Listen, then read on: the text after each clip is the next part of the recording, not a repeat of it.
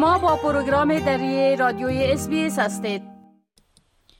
و حال همکارم آقای سام انوری در مورد رویدادهای مهم در تا یک هفته گذشته که در وبسایت ما به نشر رسیده گزارش میتن در وبسایت ما با آدرس sbs.com.au دری هر روز مطالب جالب و دانستنی درباره موضوعات گوناگون به نشر می‌رسه آقای سام انوری سلام خدمت شما. خوب اگر در آغاز لطف کنین و بگوین که در هفته چی مطالبه در وبسایت ما به نشر رسیده؟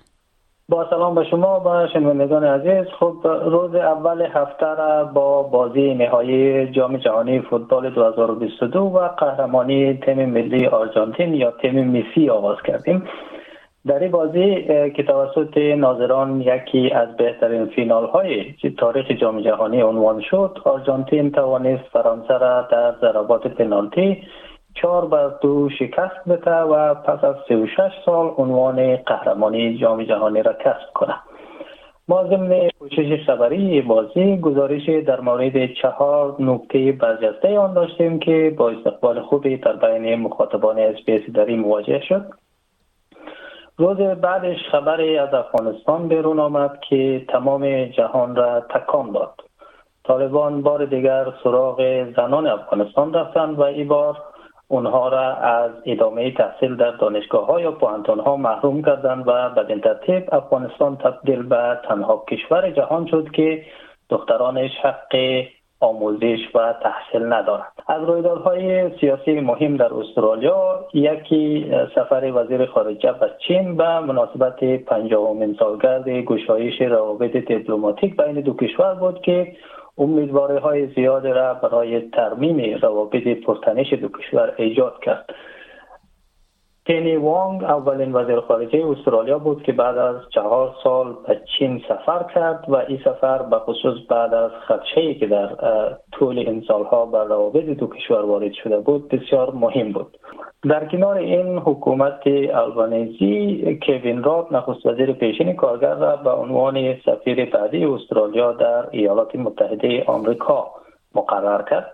رویداد سیاسی مهم دیگر کنارگیری یک نماینده ارشد اطلاف از عضویت در حزب ملی بود. اندروجی وزیر پیشین امور کهنه سربازان در اعتراض به موضعگیری حزبش در قبال صدای بومیان در پارلمان اعلام کرد که به جمع نمایندگان مستقل مجلس می پیوندند خبر مهم دیگر انحلال محکمه تجدید نظر اداری استرالیا از سوی حکومت کارگر بود که با استقبال زیادی به خصوص در بین سازمان های مدافع حقوق پناهندگان روبرو شد.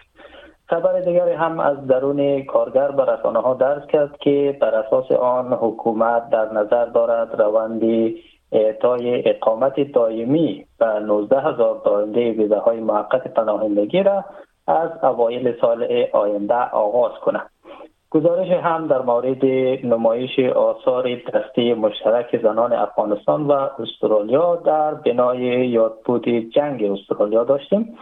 علاوه بر اینها گزارش هم در مورد جنگلگردی و گم شدن در حین جنگلگردی در استرالیا داشتیم که شنوندگان عزیز ما می‌تونن نسخه های نوشتاری و صوتی او را در وبسایت ما دنبال کنند بله تشکر. خب آقای انوری از خبر من تحصیل دخترها در افغانستان یاد کردین. خب واکنش طالبان در مورد انتقادات جهان نسبت به این تصمیمشان در متوقف ساختن تحصیلات دخترها چی بود؟ بله تصمیم طالبان مبنی بر ممنوعیت تحصیل دختران در دانشگاه ها با واکنش های گسترده داخلی و بین المللی روبرو شد. استرالیا یکی از کشورهایی بود که اقدام طالبان را به شدت محکوم کردند و خواستار لغو سریع تصمیم شدند. اما گروه طالبان با قاطعیت از تصمیم خود دفاع کردند و گفتند که در دانشگاه ها را از این سبب برای دخترها بستند که در نظام تحصیلی منکرات وجود داشت و پوشش اسلامی رعایت نمی‌شد. ندا محمد ندیم وزیر تحصیلات عالی طالبان روز پنجشنبه در پاسخ به واکنش های داخلی و بین المللی گفت که دانشجویان دختر ظرف 14 ماه گذشته هدایات شرعی را از جمله در قسمت نحوه پوشش و همراهی توسط یک محرم شرعی نادیده گرفته و همچنین گفت که دختران هنگام رفتن به دانشگاه ها طوری لباس می پوشیدن که گویا به عروسی میرن و چون نظام ما اسلامی است شرایط هم باید اسلامی باشد. البته طالبان گفته که برای اعمال دستورات اسلامی تحصیل دختران را تعلیق کرده و در واقع مخالف آن نیستند. اما آنها همین استدلال را برای بستن مکاتب متوسطه و لیسه هم کرده بودند و ما می‌دانیم که تا امروز در آن مکاتب برای دختران باز نشده است. وزیر تحصیلات عالی طالبان البته به موضوع دیگر هم اشاره کرد و گفت که رشته های انجینیری، زراعت و برخی دروس دیگر با عزت و وقار دانشجویان دختر و همچنین فرهنگ افغانستان همخوانی ندارد. بله خب آقای سامنوری شما در آغاز همچنان اشاره کردین که حکومت کارگر به 19 هزار پناهنده موقت ویزه دائمی میته اگر در این مورد کم بیشتر معلومات بتین به شنونده های ما. بله همونطوری که قبلا هم اشاره شد شماری از رسانه های استرالیا روز پنج هم گزارش دادند که حکومت کارگر قصد داره روند اعطای اقامت دائمی به بیش از 19 هزار پناهنده دارنده ویزه های موقت سه ساله و پنج ساله را از اوایل سال آینده آغاز کنه این رسانه ها به نقل از منابع ارشد دولتی گزارش داده که طرح اعطای اقامت دائمی و دارندگان ویزه های موسوم به محافظت موقت یا تی و پناهگاه امن یا شف توسط حکومت نهایی شده. ویزه های محافظت موقت و پناهگاه امن به کسانی داده شدهاند که بین ماه های آگست 2012 و جنوری 2014 با قایق وارد استرالیا شده.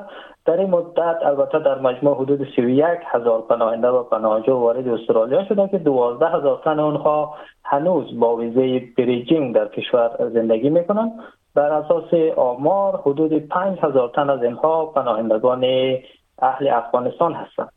فعالان حقوق پناهندگان ضمن استقبال از خبر نسبت به سرنوشت 12 هزار دارنده ویزه بریجینگ ابراز نگرانی کرده و از حکومت خواستند که به تمام 31 هزار پناهنده و پناهجوی بی سرنوشت اقامت دائمی بده. بسیار زیاد تشکر از شما آقای سامنوری. لطف کردین تا برنامه آینده. خداوند نگهدارتان. روزتان بخیر. تشکر از شما. خدا نگهدار. می خواهید این گونه گزارش ها را بیشتر بشنوید؟ با این گزارشات از طریق Apple Podcast، Google Podcast، Spotify و یا هر جایی که پادکاستتان را می گیرید گوش دهید.